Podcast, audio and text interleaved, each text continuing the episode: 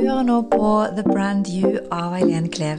Her vil du få inspirasjon og tips om personlig merkevarebygging og ulike refleksjoner rundt det å være unik og synlig. Velkommen til dagens episode.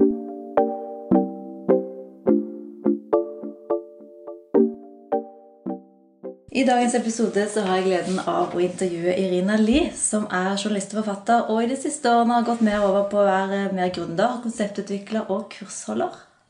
Velkommen. Jo, tusen takk for å bli invitert.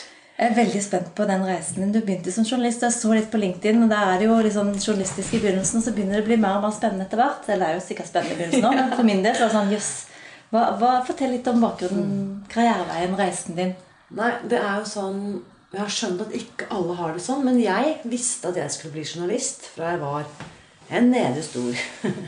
Hvorfor visste du det? Nei, det er et veldig godt spørsmål. Jeg har ingen journalister i familien. Eh, Vi hadde jo Aftenposten hjemme på kjøkkenbordet, men det var jo ikke noe mer enn som så. Pappa var jo veldig glad i å se på Dagsrevyen, så kanskje jeg skjønte at de som er journalister, har noe viktig å formidle. jeg vet ikke. Men jeg hadde, det var to, egentlig to karriereambisjoner. Enten skulle jeg bli lege eller skulle jeg bli journalist. Det er det jeg har skrevet liksom i Ja. vennebøkene til mine venninner fra barndommen. Og min første avis den lagde jeg da jeg var åtte år gammel. Wow. Den heter Barnas Gang. BG. BG, ja. Så kult. Ja. Eh, Det var jeg og min venninne Kristine som lagde den. Og det er veldig komisk, fordi det sier også litt om retningen jeg ville i. Jeg ville jo mot det tabloide. Eh, og det liksom dykket jeg skikkelig ned i over mange, mange år. Eh, så i bunn er jeg tabloidjournalist, og det er jeg skikkelig stolt av. Så kult. Men det skjedde noe på veien. Du eh, Ja, nei, Etter å ha jobbet da egentlig alle de store mediehusene, altså tatt liksom journalistutdanningen jobbet i, Først begynte i BA, i Bergensavisen. Og så jobbet jeg noen år i TV 2. Og så var jeg innom VG, jobbet mange år i VG, både VG Nett og papir. Og så fikk jeg jobb i Bergens Tidende, som jeg på en måte hadde min, min voks, mitt voksne liv. Mitt ordentlige liv var i Bergens Tidende. I Bergen først, da. Uh, og så fikk jeg muligheten til å jobbe et par år i New York. Uh, så det gjorde jeg. Eh, Det var fantastisk gøy. I en bitte liten norsk-amerikansk eh, lokalavis som heter Norway Times. Så der var jeg i to år midt på 2000-tallet. Og så kom jeg tilbake igjen til Bergens Tidende. eh, Hvor jeg da fikk lov til å flytte over til Oslo-kontoret. Så det var liksom de siste årene av min jobb, eh, karriere som fast ansatt var på Oslo-kontoret til BT. Og så i 2009 så var jeg da eh, Da har vi altså akkurat gått bak ut av 2008, hvor jeg først gjennomgikk et samlivsbrudd. Som på en måte ble et sånn turning point i mitt liv. Eh, og jeg hadde også Og det var finanskrisen, for alle de som husker så langt tilbake. Det var en mørk, mørk høst på mange måter i, i, min historie. Eh, og da som fersk tobarnsmor eh, og en veldig ansvarsfull jobb i BT, så skjønte jeg at dette holder ikke. Dette er ikke bærekraftig. Jeg må ta noen store grep. Og så kom jeg ut av 2008 og tenkte hvis jeg har overlevd 2008, så kan jeg klare hva som helst. Så det var veldig interessant å se liksom hvor eh, empowered jeg følte meg etter å ha gått liksom gjennom mitt livs krise, egentlig. Så da sa jeg opp jobben i samme slengen. Uten å ha noe å gå til. Uten å ha noe å gå til. Eh, tok sluttpakke fra Bergens Tidende. På det tidspunktet, det er jo ti år siden nå faktisk, hvert øyeblikk, eh, så var jo sluttpakkene fortsatt ganske rause. Så jeg hadde liksom med meg en, eh, en årslønn ut. Eh, og som jeg ofte Allerede da så sa jeg at dette er jo ikke noen sluttpakke, dette er en startpakke. Kult. Eh, og så hadde jeg et stort ønske som jeg hadde jobbet med over mange mange år, og det var å skrive historien til faren min. Mm, faren din kan du si litt om. Ja, pappa er jo bedre kjent eh, som eh, Mr. Lee, nudelkongen. um, han gikk jo bort tidligere år, så det er liksom et sånn eh, spesielt år egentlig for meg i forhold til når jeg tenker eller snakker om pappa. Men da satt han, eh, han og jeg og fullførte det prosjektet vi hadde begynt på noen år tidligere, nemlig å skrive hans, samle hans historie mellom to permer. da. For det er jo et helt uh, ellevilt eh, liv han kan se tilbake på. Eh, Så uten noe å gå til og uten noe fast jobb Men jeg visste bare jeg hadde et inderlig inderlig ønske om å få gjort det arbeidet. Og det hadde jeg prøvd ved siden av fast stilling, men det gikk ikke. Mm. Så det prioriterte jeg beinhardt gjennom hele 2009.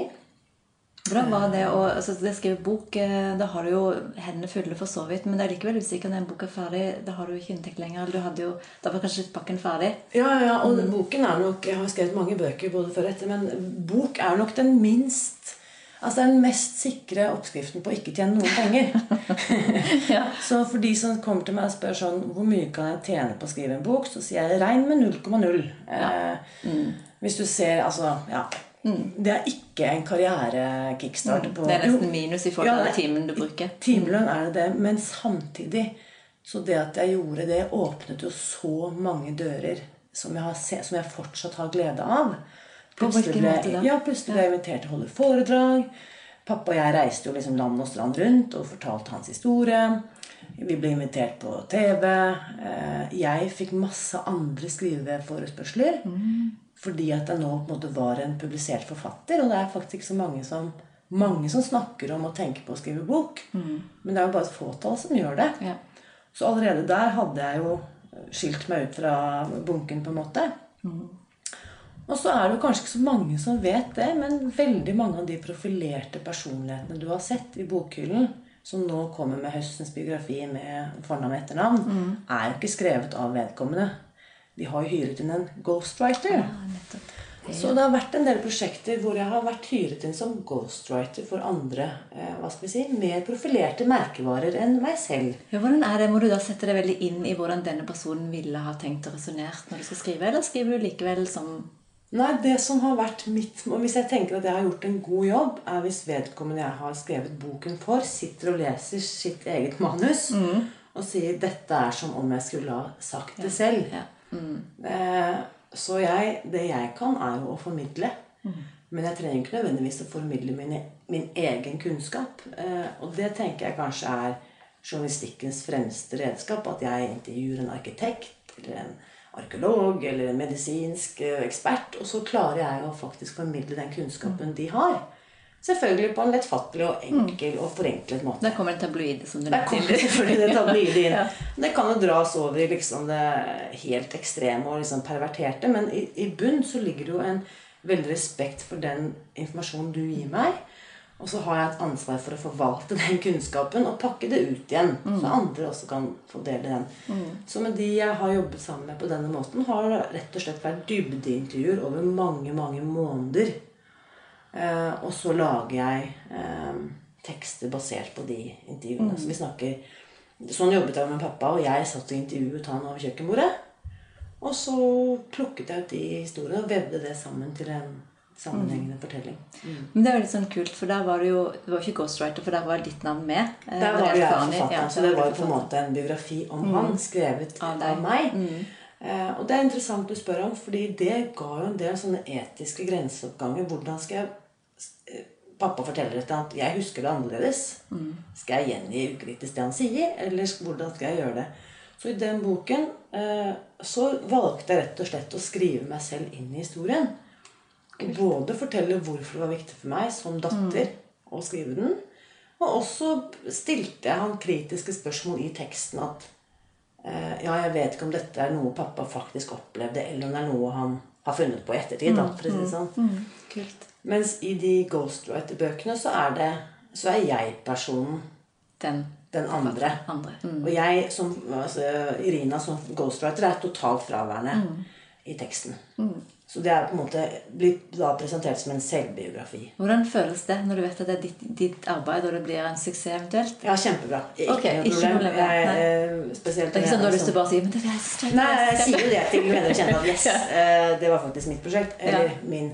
Men jeg har ikke noe problem med å dele F.eks. For eksempel sånn som eh, Jeg har skrevet mange bøker sammen med søsteren min nå, som er kokk. Og at kokeboken hennes har gjort det bra, det er jo hennes fagkunnskap. Det er jo hennes fortjeneste. Og det samme med en annen bok jeg skrev, som ble en bestselger og sikkert selger bra fortsatt. Det er jo sånn vel og bra, for den personen fortjener virkelig den kredden. Så jeg har bare vært en bitte liten del i det arbeidet. Men du har etter hvert eh, Du nevner at du er gründer eh, og konseptutvikler. og Fortell litt om de prosjektene. Ja, men gründer ble jeg på en måte eh, Jeg har jo såpass respekt for frilansyrket, så jeg tenker at alle som er frilansere, burde egentlig kunne slenge på å titulere seg som gründer òg. For det er jo det vi driver. Vi starter for oss selv. Vi har et bitte lite foretak. Om det enten er et enkeltpersonforetak eller AS, spiller ikke rolle. Vi skal faktisk drifte oss selv, vi skal administrere oss selv, vi skal selge oss inn, vi skal fakturere. Det er faktisk og men, Jeg har den respekten for det faget, da, å være selvstendig. Uansett om du har null eller én ansatt, holdt jeg på å si. Um, men når jeg faktisk da fikk litt større forespørsler, så skjønte jeg at um, jeg skulle være med på et kjempestort prosjekt, en jubileumsbok for en bergensbedrift som fylte 100 år. Det var tilbake i 2011-2012. Og da skjønte jeg at nå kan faktisk min foretaksform virke mot meg. For hvis jeg er et enkeltpersonforetak, som jeg var de første tre årene, mm. og oppdragsgiver ikke betaler Og nå snakker vi liksom et prosjekt på ja. en regning på over en million. Mm. Så kommer jo kemneren og tar huset mitt. Eh, altså Eller jeg vil si leiligheten. Eh, jeg kan jo ikke liksom risikere mine barns eh, sikkerhet. Altså Vi må ha tak over hodet. Ja. Så da skjønte jeg på det tidspunktet at jeg må ha større avstand mellom meg som privatperson og selskapet mitt. Eh, Så da opprettet jeg et AS. Det ble tvunget frem rett og slett av omstendighetene. Um, så nå har jeg hatt et AS de siste ja, 2012, eh, frem til i dag, seks år. Og så, så da ble jeg opprettet av et forlag. Ok. Ja. Så, så AC ditt er et forlag? AS mitt er et forlag. Ja. Skriptor AS. ja. Tar oppdrag for eh, bedrifter som ønsker å gi ut jubileumsbøker jubileumsboker og andre. Det er morsomt, for noen sender meg jo manuset til romanen sin. Kult. Og jeg driver ikke med skjønnlitteratur. Men du har fått et navn da, som folk har fanget opp. Ja da. Eh, så det er morsomt. Og, eh, så jeg driver et forlag. Eh, og så, gjennom denne eh, Og parallelt med denne forlagsvirksomheten så har jeg fortsatt å skrive egne prosjekter. Men de ikke ut på mitt eget forlag. Okay. Så bøker jeg har skrevet om andre temaer. Jeg har skrevet ut en bok som heter 'Shoppingfri', som kom i 2013. Som handler om mitt år med kjøpestopp. Den ble utgitt på, på eh, Pax. Og så har jeg vært med på utgivelse på Cappelen Dam og Aschehoug Gyllendal og Kagge. Mange bøker på Kagge. Hva er grunnen til at du ikke gir ut i eget forlag? Nei, jeg, har veld... jeg må bare være helt ærlig og si at folk som gir ut sine egne bøker, det mister litt eh, troverdighet i mine øyne. For jeg tenker at det er veldig veldig viktig for meg. Det er jo liksom også noe med viktighet å ha en redaktør. At jeg faktisk får prøvd mine egne tekster opp mot en fagperson som kan Ja. si at dette, Rina, det holder ikke. Ja. Og jeg tror nok at hvis eh, Og det, for all del, det går jo an å hyre inn en ekstern redaktør, og jeg vet at kjenner folk som har gjort det òg. Så jeg skal ikke si at alle som gir ut bøker på eget forlag, er dårlige bøker. Det er ikke det. Men for min del så har jeg funnet en trygghet i å ha en ekstern vurdering. ja. Um, ja. Men konseptutvikling um, Hva slags konsepter har du? Ja, nei, altså det er jo da uh, Jeg har hatt for eksempel eh, hadde en forelesningsrekke over, som gikk over flere år. Uh, et undervisningsopplegg rundt dette med kjøpestopp og bærekraftig samfunn. Og jeg reiste rundt liksom I 2013-2014 så tror jeg jeg hadde 50 foredrag i året. Eh, det var utrolig kult å møte spesielt eh, unge voksne, alder 18 til 25. Um, så det var på en måte et konsept jeg øh, lagde og tilbød. Og så var det en periode hvor jeg holdt en lignende versjon av tematikken bærekraft og forbruk eh, til sånne inspirasjonsforedrag. Og det liksom var en stund inne på det markedet der. Det var også veldig spennende. Men så tok det nok det, det siste som opptar meg, som legger beslag på 80% av tiden min i dag, det kom i kjølvannet av en bok som jeg kjøpte rettighetene til i fjor, 2017. Så kjøpte jeg eh, rett, de norske rettighetene. Altså jeg har, det er veldig morsomt, jeg kjøpte altså Worldwide Rights for ut i denne boken på norsk. Okay, wow. så markedet er jo bare Norge, men det er så morsomt i kontrakten så står det liksom Worldwide. Men Betyr at du egentlig eier det worldwide, men du har bare lansert i Norge? eller? Ja, så jeg kan jo sikkert eh, sette opp en shop ja. Mm. i, i Sverige også, og selge boken der. Det har jeg ikke eh, gjort så langt. Men um, for en bok som på amerikansk heter Bright Line Eating, skrevet av doktor i nevropsykologi Susan Pierce Thompson, som handler om kostholdsomlegging og livsstilsomlegging, som Mm. jeg da ga ut i fjor, som heter Spis deg fri på norsk. Mm. Um, og i forbindelse med det, da var da virksomheten virkelig tok av. Fordi da kom det jo masse forespørsler. Men Irina, jeg har lest boken, jeg trenger mer hjelp. Og det var da liksom I mai i fjor uh, så inviterte jeg liksom Ja, hvis du vil være med, så kan jeg ha et kurs et, Så hadde jeg meg et klasserom på Marine skole her i nabolaget. Eh, og det var 15 damer som meldte seg på et kurs. Et åtte uker langt kurs. Og det var helt komisk, for det ble fulltegnet i løpet av fem dager. Så gøy. Ja. Så jeg ble jo livredd, for jeg hadde aldri holdt kurs i dette dette før. Så jeg tenkte at shit, hva hvis ikke de får det til? Eller hva hvis jeg har liksom lovet for mye? Så første kurskveld så sa jeg bare ja, alle får alle pengene tilbake hvis ikke dere er fornøyd. Siste kurskveld. Eh, og så var det jo veldig kult da at liksom, av 15 var det ingen som ba om pengene tilbake. Um, og så så jeg jo at uh, etter hvert som dette Jeg hadde på det tidspunktet en blogg og et nyhetsbrev og litt sånne ting. Og så bare kom det liksom fra Molde. Jeg vil også være med på kurs. Må jeg reise til Oslo hver uke, eller kan du komme til Molde og Og så bare Ok, dette er jo ikke skalerbart i det hele tatt. Eh, så da jeg på en måte bestemt meg for veldig å gå all in på online-kurs. Mm. Så fra i fjor høst, fra høsten 2017, så har jeg bare hatt online-kurs. Så jeg har bare hatt ett fysisk kurs én gang. Så de 15 damene var med på eksklusive eksklusiv eh, et eksperiment. ja. Eh, og siden da i fjor høst så har det faktisk vært eh, over 2000 mennesker Så kult. som har vært med på Det er sånn at jeg nesten ikke kan si det høyt, for jeg nesten ikke tror på det tallet. Men 2000 mennesker har på et eller annet nivå vært med på et online-kurs. For nå har det blitt flere kurs, da. Nå er det mange ulike kurs. Og det er digital kokebok, og det er medlemsgruppe, og det er liksom Men du har fått med deg flere folk på dette, eller gjør du det alene? Nei, nei, nei, det er absolutt det ikke alene. For nå er vi jo akkurat ansatt nummer ni Så kult. Ja. på ett år. ja. Så nå kan jeg virkelig liksom Nå er du virkelig et AS. Nå er vi ikke det, Og ikke bare det, nå blir vi straks to AS-er. For jeg har jo Ja, skjønt at dette var på et eget mm. Fordi at eh, nå går det ikke an å Disse ni de har jo ingenting med forlaget å gjøre. Men alle sammen er jo ansatt i forlaget. Mm. For de må jo være ansatt et sted.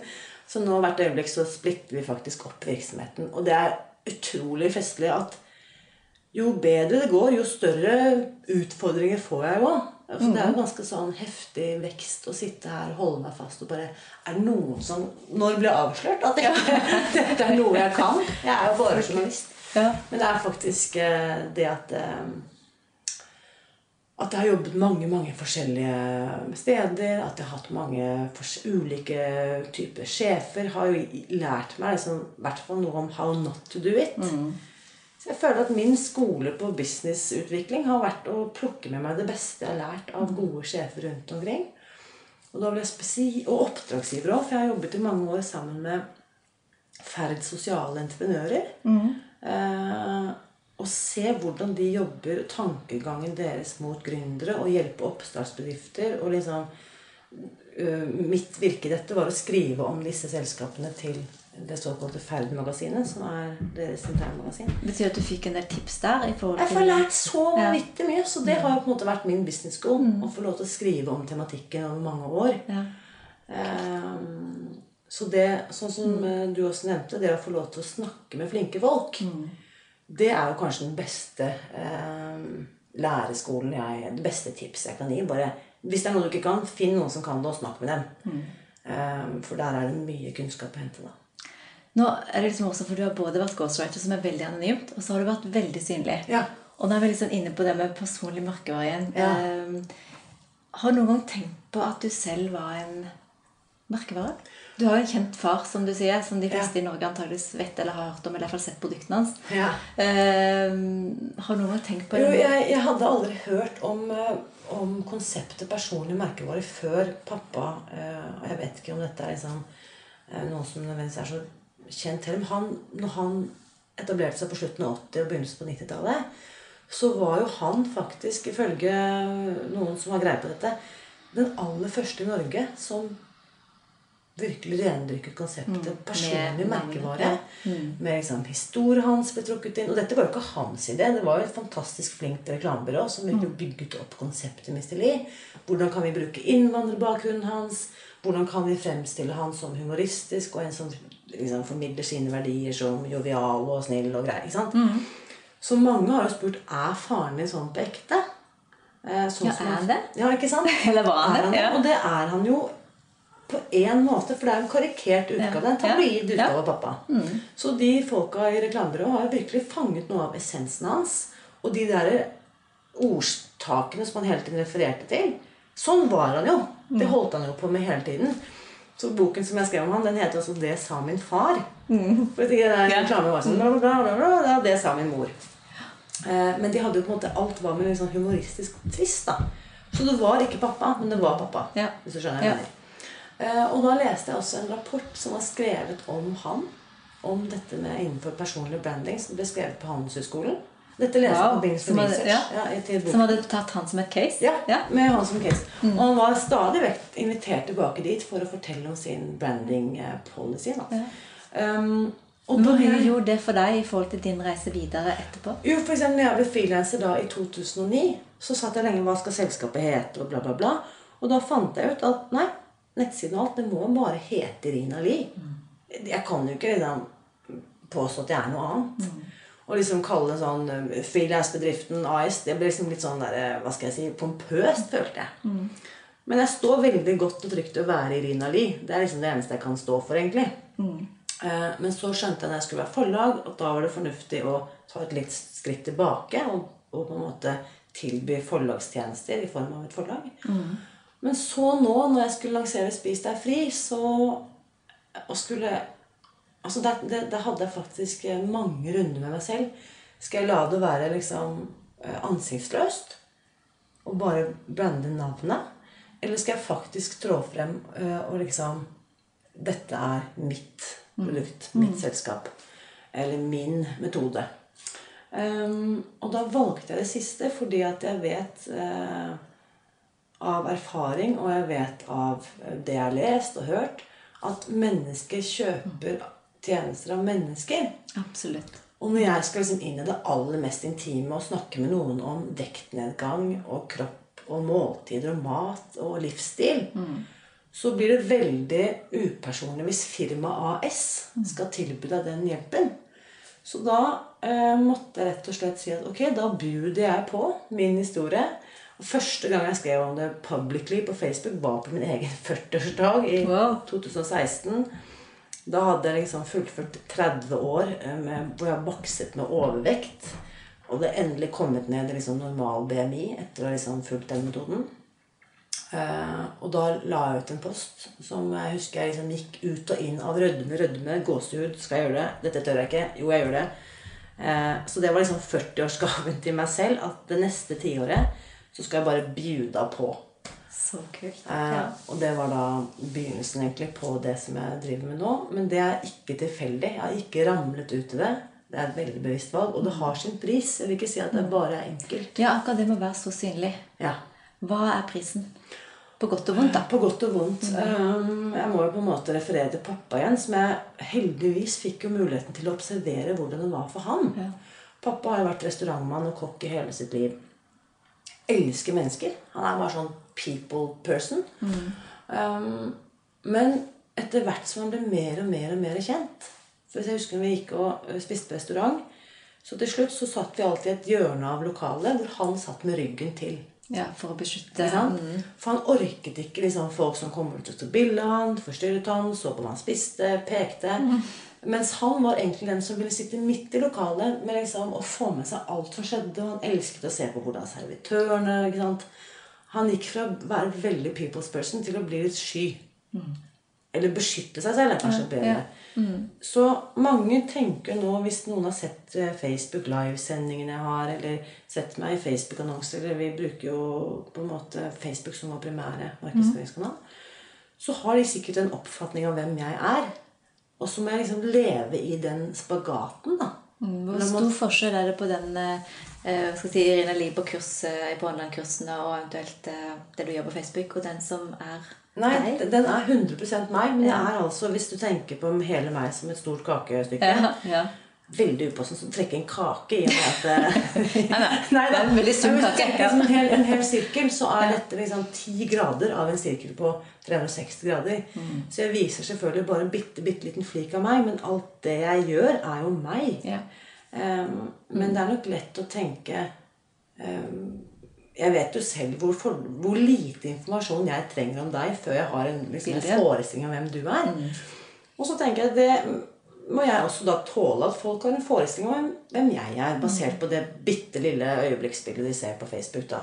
Men Klarer du å være fri i den forstand at du kan kjøpe deg softis med god samvittighet Du tenker på å, hvis noen ser meg nå? Ja, ja nei, altså, Klarer det, du... Uh, det hadde jeg helt fint hvis, det, hvis jeg skulle ha gjort det. Ja. Så ja, Måtte du nesten ha tatt på Facebook og forklart det? Eller? Ja, nei, altså Det er litt sånn som alle de ganger jeg sluttet å røyke, og det kunne gjort det til hele venneflokken og jeg da sprakk en, så var det kjipt å ta opp den første røyken. og så få de sprak. Men hadde ikke du sluttet å røyke? Mm. Så jeg skal ikke helt sikkert si at jeg hadde gjort det uten blygsel. Men uh, jeg håper det. Men jeg mm. ser jo også at det forplikter å være synlig. Da må jeg tåle å bli sett på. Ja. Mm. Og til mer man blir tydelig på i forhold til konsept, til mer kan noen føle at de er litt fanga i konseptet. Mm. At de ikke kommer seg helt Hvordan Kjenner du at du fremdeles er fri, eller er det, begynner du å Ja, jeg føler meg veldig fri i forhold til det jeg formidler ut. Det jeg ikke føler meg så fri på lenger, er min egen eh, eh, tid. Jeg kjenner en enorm forpliktelse overfor teamet mitt. De åtte medarbeiderne mm. som nå har gitt meg tillit til å bli med på denne ville, ville ferden. Ja. Så jeg, eh, jeg har jo gudskjelov vett nok til å ha gode coacher rundt meg. I og med at dette aldri har gjort før, Så jeg har også en business coach som jeg jobber med. Mm. Og hun sier det du tenker på som frykt, Irina, eller opplever som frykt, er egentlig bare awareness. Altså oppmerksomhet. Eh, og det er sunt når man vokser, å være litt oppmerksom og, og, og være litt varsom. Mm. Og ekstra varsom, da. Um, og ikke være nonchalant mm. i forhold til det jeg faktisk uh, opplever nå. Ja. Um, så frykten er nok uh, Jeg kjenner på en økt frykt, men det først, handler først og fremst overfor den forpliktelsen jeg har overfor teamet. Ja. Mm. For jeg vet jo også at hvis ikke jeg får det til, så spiller det ikke noen rolle at jeg har verdens beste team. Dette Nei. står og faller i hvert fall foreløpig på, på meg. Og det ansvaret kan jeg kjenne på litt sånn oh, shit. Ofte når man eh, skal være såpass synlig, så er det mange som går i den fella med å tenke dette med perfekt. Ja. Har du vært har du blitt berørt av det? Har du noen tenkt på åh oh, gud, jeg må ja. jo fremstå jeg må jo også, ja. ja. Der har jeg også det, Og dette igjen da, er jo takket være mitt journalistiske virke. I veldig veldig mange år så har jeg skrevet portrettintervjuer for et eh, magasin, et fagblad, mm. som heter Ekona. Okay. Som er siviløkonomenes eh, interne magasin. Mm. Um, og der intervjuet jeg en NHO-fyr eh, som hadde lagt, laget en doktorgrad om dette med Pareto-prinsippet. Ja. Som jeg ikke egentlig kjente noe til. Så han forklarte det 2080. 2080. Mm. Så det han forklarte er at hvis NSB har 72% kundetilfredshet, så vil mange av kundene søke andre alternative transportløsninger. Så hvis de øker og øker og øker og kommer opp i 85 presise tog, mm. så har de masse fornøyde kunder. Eller da har de i hvert fall maks antall kunder av det de kan få til. Eh, som er deres potensielle marked. Mm. Men så hvis NSB fortsetter å forbedre fra 85 til 100, så er det bare ekstra kostnader uten noe gevinst i form av mer omsetning. Mm. Så hvordan snur du dette til deg? Ja, det, det, snudde jeg da umiddelbart. Tok jeg med den kunnskapen igjen og begynte å levere fram artikler som jeg var 85 fornøyd med. Det kostet meg så vanvittig mye. Men når jeg oppdaget For jeg har alltid vært Jeg leverer fra meg perfekt eller ingenting. Mm. Det har liksom vært Du eh, kan kalle det flink pike, kan kalle det perfeksjonisme, bla, bla, bla. Mm. Men um, Og da hadde jeg kanskje jobbet som frilanser i fire-fem år da når dette her inntraff. Og så oppdaget jeg jo at oppdragsgiver fortsatt var strålende fornøyd. Og jeg hadde For den siste finpussen kunne jeg jo bruke timevis, mm. om ikke dagevis på. Mm. Eh, og bare Oi sann, dette går jo an å levere fra meg. Ikke perfekt. Og alle er fortsatt like happy. Og jeg kan fortsatt stå inne for det. Mm. Eh, men Jeg sier ikke at jeg får levert fra meg liksom halvfabrikata, men det var bra nok. Ja, ikke sant? Eh, og det er også noe jeg jobber veldig mye med internt i virksomheten her. At vi må gjøre det som er bra nok mm. hvis vi skal fortsette å få til det som er viktig for oss. Mm. mm. Og mange opplever at eh, det kan være lettere å være bra nok på det faglige, men av og til så kan det nesten være forferdelig vanskelig når du skal på video. Har du hatt noen sperre på video? Å, herregud, video. Oh my god. oh, Jesus, nei, altså, jeg, Det har vært en eh, interessant reise. Jeg bestemte meg jo for å begynne med sånne livesendinger. Um, og så skjønte jeg må bare begynne et sted. Og de første varte i ett minutt og ti sekunder. Så Ja. Stopp, nå orker jeg ikke mer. Ja. Men så du gjorde det jevnlig? Eller ja, jeg, prøvde å gjøre det en gang i uken. Ja. Og så dette var vinteren 2016. Og da var det veldig kaldt og rått og fuktig, og jeg har sånn veldig allergisk hud, så fikk jeg sånn utslett rundt hele munnen. Oi. Ja. Så tenkte jeg sånn I dag kan jeg ikke gå på Facebook og spille denne videoen, for nå er jeg sånn utslett i halve ansiktet. Så tenkte jeg ja, ja, skal jeg liksom la utslettet stoppe ambisjonene mine? Nei, det kan jeg ikke. Så jeg gikk live med liksom stående og smurt sånn syltetøy rundt halve munnen. Og da var det en en venninne som kommenterte når hun så meg senere på dagen, at du har veldig utslett, ja. Jeg lurte på hva som var galt med deg. Men så tenkte jeg, på det tidspunktet hadde jeg syv seere. ja. Så det spilte ingen rolle. Det var ingen som så det. Og de som så det, kjente meg sannsynligvis fra før. Nå vet jeg ikke hvor mange som ser de videoene, men jeg går altså live hver onsdag klokken ett. Eh, på Facebook-siden. Uansett hvor du er i verden, på en måte? Uansett hvor du er i verden. Eh, Og det har jeg liksom en satt som en sånn forpliktelse for meg selv. Ja. Og fordi, som jeg liksom eh, har sagt at jeg gjerne vil hjelpe og svare på spørsmålene til. Så det er konseptet. Jeg tar opp et tema hver onsdag, og så kan folk sende inn spørsmål, og så svarer jeg på det på live. Eh, sending til Spis deg fri, da. Kult. Har du noen tips til andre som skal i gang med å være mer synlig på eh, eventuelt sosiale medier eller video? I Ja. forhold til hva, hva er liksom kunsten for Ja. Nei, jeg ha, følger jo et prinsipp i alt jeg gjør. Og apropos det du snakket om eh, litt tidligere òg. Eh, mitt favorittprinsipp om dagen er, eller motto, det er KISS.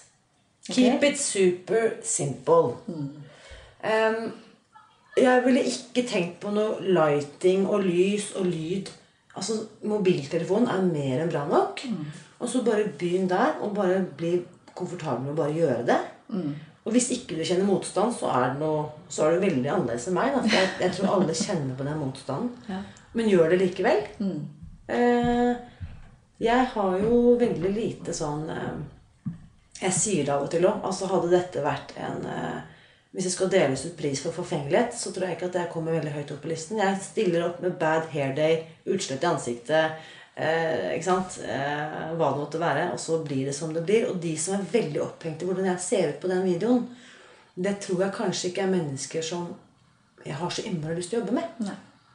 Eh, Så de får ta meg som jeg er, og det har jeg inntrykk av at de aller fleste gjør. Men jeg har jo fått kommentarer på Hvorfor må du holde på med den fiklingen i håret? Eller Du svelger veldig høyt. Og bare Ok. Hva gjør du når du får sånne kommentarer? Da sier jeg nei, dette kommer jeg nok til å fortsette med. Beklager eh, at jeg ikke kan Ja. hjelpe deg. ja. Så du, Men jeg håper du fikk med deg noe av det jeg sa likevel. Eller, ja. mm, så du svarer? ja, ja, jeg svarer. Ja. Ja. Og den personlige merkevaren så er det jo også det der med autentisk som kommer ofte inn. Ja. For det er lett å bygge fasade Ja. versus det å være autentisk. Ja. Hva tenker du om det? Nei, auten- autentisme, holdt jeg på å si. Eh, det er ikke noe alternativ til ekte. Altså, Alt annet vil være veldig, veldig rart. Eh, så det er liksom Det er ikke et option. Det er ikke en option. Nei. Nei. Eh, jeg skulle ta nye bilder til nettsiden nå. eh, hvor jeg hadde motstand mot å ha på meg leppestift. For det er noe jeg aldri går med. Ah, Og da måtte liksom tre fagpersoner si til meg det må du ha, Rina, fordi at et kamera spiser opp farger. og så Hvis du skal liksom bruke eh, foto som et visuelt virkemiddel, så må du ta på deg leppestift. Jeg bare Ok, greit. Så allerede der var liksom i grenseland Er dette Er det meg? Eller er det meg? Ja, ja. Men jeg er villig til å inngå sånne kompromisser hvis noen kan komme med et godt argument. Eh, for det er jo igjen en bitte liten del av meg. Jeg skal faktisk pakkes inn og selge et budskap. Så hvis det at jeg ikke har på meg leppestift, hindrer det budskapet, så er jeg villig til å gjøre det. Men da motstand mot det òg. Hvis du skal beskrive merkevaren Irina Lie med tre ord, hva vil du trekke fram? Hva er som, hvem er Irina Lie? ja, det var jo et veldig godt spørsmål. Hvem er Irina Lie? Eller hva skulle du ønske at den var? Jeg, jeg håper at jeg kan ha med troverdig. Det er viktig for meg. Um, Og det er historien din at du har gjort dette som du nå skal hjelpe andre til å gjøre. Ja. At du har vært med på det før. Og, mm. alle de bøkene jeg har skrevet, alle foredragene jeg har holdt Jeg har aldri rådet noen til å gjøre noe som jeg ikke gjør selv. Enten har gjort eller fortsatt praktiserer. Um, så jeg er jo også utdannet yogalærer. Oh, Ja. Ja. Eh, Så det har jeg også tatt med i den der kunnskapen derfra. Eh, og jeg tror liksom det som man i yogaen kaller 'grounded' eh, Jordnær, er det, det, liksom, er det et ord?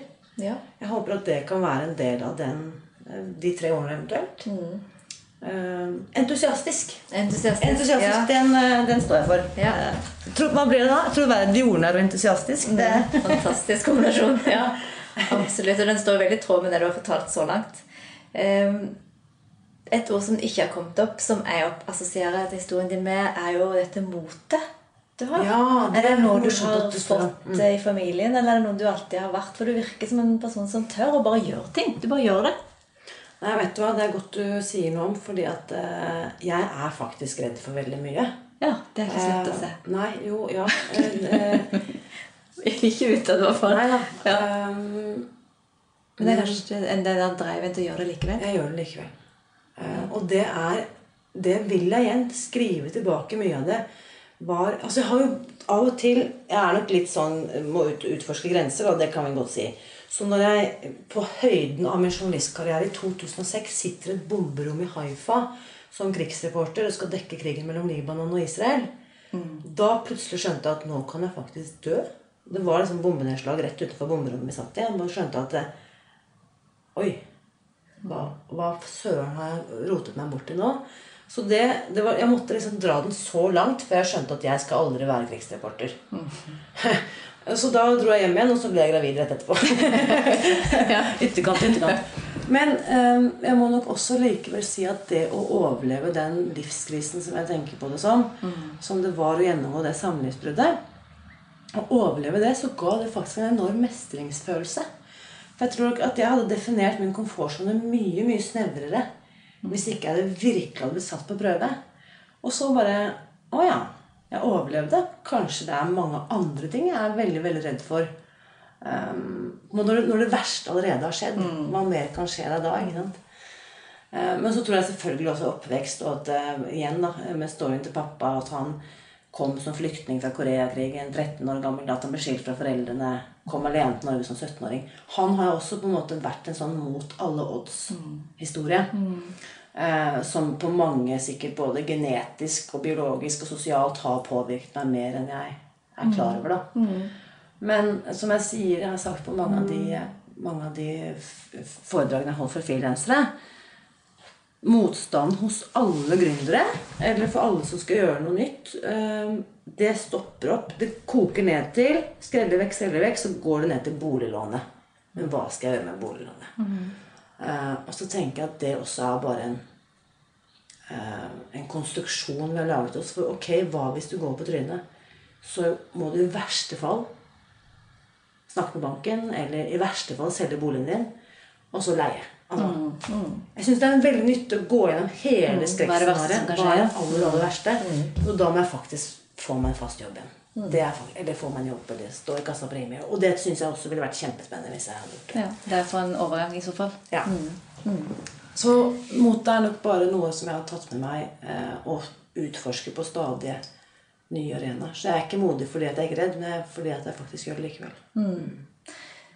Det virker som du har prøvd det meste eh, i forhold til karrieren og gjort ting som du har lyst til, selv om det er skummelt. Men er det noen eh, ting, eh, egenskaper, eh, personlighetstrekk som var veldig fremtredende da du var liten, som eh, ikke har kommet så mye fram i det siste? Ja, det er interessant å spørre om, fordi det satt jeg og, her forleden så satt jeg og to medarbeidere og lagde en sånn Vi designet et dokument, eller en slags liten bok, en PDF-bok. Og jeg husker at når jeg var liten, så drømte jeg om å bli designer. For mamma hun var grafisk designer. Og hun var alt utrolig flink til å på en måte aktivere oss med sånne aktiviteter som hadde med tegning, form og farge å gjøre. da. Så de gangene jeg lurer på hvis jeg skulle gjort noe annet her i livet, så går det i retning av tegning, form, fargeting. Um, Og den kreativiteten du, eh, som ofte er i, i den retningen, har du jo fått gjort en del av allerede. Sånn sett, I konseptutviklingen din, men Ja da. kanskje ikke nødvendigvis i fargene eller i designbiten. Ja da. Ja. Men så nå når vi hadde en prosess nå, vi har akkurat fått ny logo, som jeg syns er kjempemorsom. Å jobbe med designere som har det som sitt fagfelt, er noe av det morsomste jeg har vært med på. Å være med og drodle, og jeg har noen ideer, men jeg vet ikke, liksom, jeg klarer ikke å forklare det, for det finnes jo egentlig ikke ord. Og så må vi bare ta liksom og skisse skisser frem og tilbake og justere, og det syns jeg har vært kjempegøy. Så det måtte ha vært noe i den, mm. den retningen. retningen. Ja. Eh, Nå har du jo både vært ansatt og du i, i en del år, og så har du nå mer eller mindre 100 for deg selv. Um, har det vært hva skal jeg si, Hvordan har det vært i forhold, eller hvor bevisst var du når du var ansatt med at du var merkevare? Ja, ikke i det hele tatt. Ikke det hele tatt. Nei, Nei, det var ikke var før jeg frilansperioden kom at du begynte å tenke på det. Ja. Ja, eller ikke i det hele tatt. Som journalister så har vi jo alltid byline. ikke sant? Navnet på sakene våre. Så det er faktisk ikke helt sant. Det var nok en bevissthet rundt det òg. Og når jeg var reporter på TV 2-nyhetene og liksom jeg så mitt eget innslag og hørte min egen stemme og så liksom mitt eget navn under, så var det sånn «Å, Så var det jo, ja. jeg! Eh, 20 år gammel og kjempekry av Ja. å være eh, reporter blant alle mine andre forbilder, som jeg selvfølgelig visste navnet på alle sammen. Mm. Som jeg aldri tenkte på det at det var en personlig merkevare. Men når, jeg tenker, når du spør nå du nå, så så tenker jeg kan jo gi deg navnet på ti store reportere når jeg vokste opp. Jeg vet jo hvem alle de var. Mm. De var jo selvfølgelig, Selv om det var enten NRK eller TV 2, så var det selvfølgelig Mm. personlige brands på mange måter. Men din egen reise, merker du, at, eller merker du at det er lettere å være autentisk nå når du er din egen herre, enn det var når du var ansatt? Eller var egentlig ikke det Ja, det, jo, det kan du si. For at, uh, jeg trenger jo ikke ta hensyn til noe. Verken policy eller 'slik gjør vi det her', eller eh, 'utad må vi være nøytrale', eller Jeg kan jo si og mene om akkurat hva jeg vil, om hva jeg vil.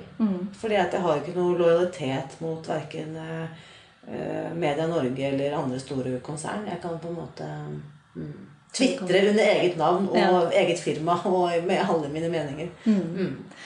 Hva, som sånn avslutningsvis, eh, Hvilke råd eh, har du lyst til å gi til andre, enten det er i jobb eh, eller er gründere eller frilansere, i forhold til det å være autentisk og være deg selv? I forhold til din reise, både på godt og vondt?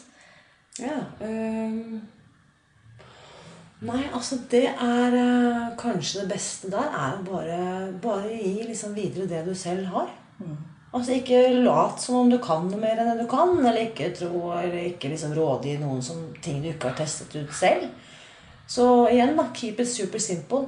Eh, fordi at det du allerede har, er mer enn godt nok. Du trenger ikke å, prøve å bli noe mer enn det du allerede er. Um, også, også tror jeg det er veldig veldig viktig at som jeg har Jeg har delt noen av mine beste ideer med en sal full med 50 frilansere. For jeg vet at hadde alle vi 50 tilbudt det samme produktet eller den samme tjenesten, så ville vi ha tiltrukket oss 50 forskjellige publikum. Så jeg tror liksom veldig på den Apropos det vi sa i stad, med at uh, mennesker kjøper av mennesker, så tenker jeg at uh, vi alle har vårt unike særpreg som appellerer hos andre. Og hos andre vil det være helt feil, uh, det du har å tilby. Så må du være deg selv. uh, og keep it super simple. mer uten leppestift. Kjempefin avslutning. Tusen takk for tiden din, Irine. Takk Tusen takk for at du Og lykke til Ja, med to AS.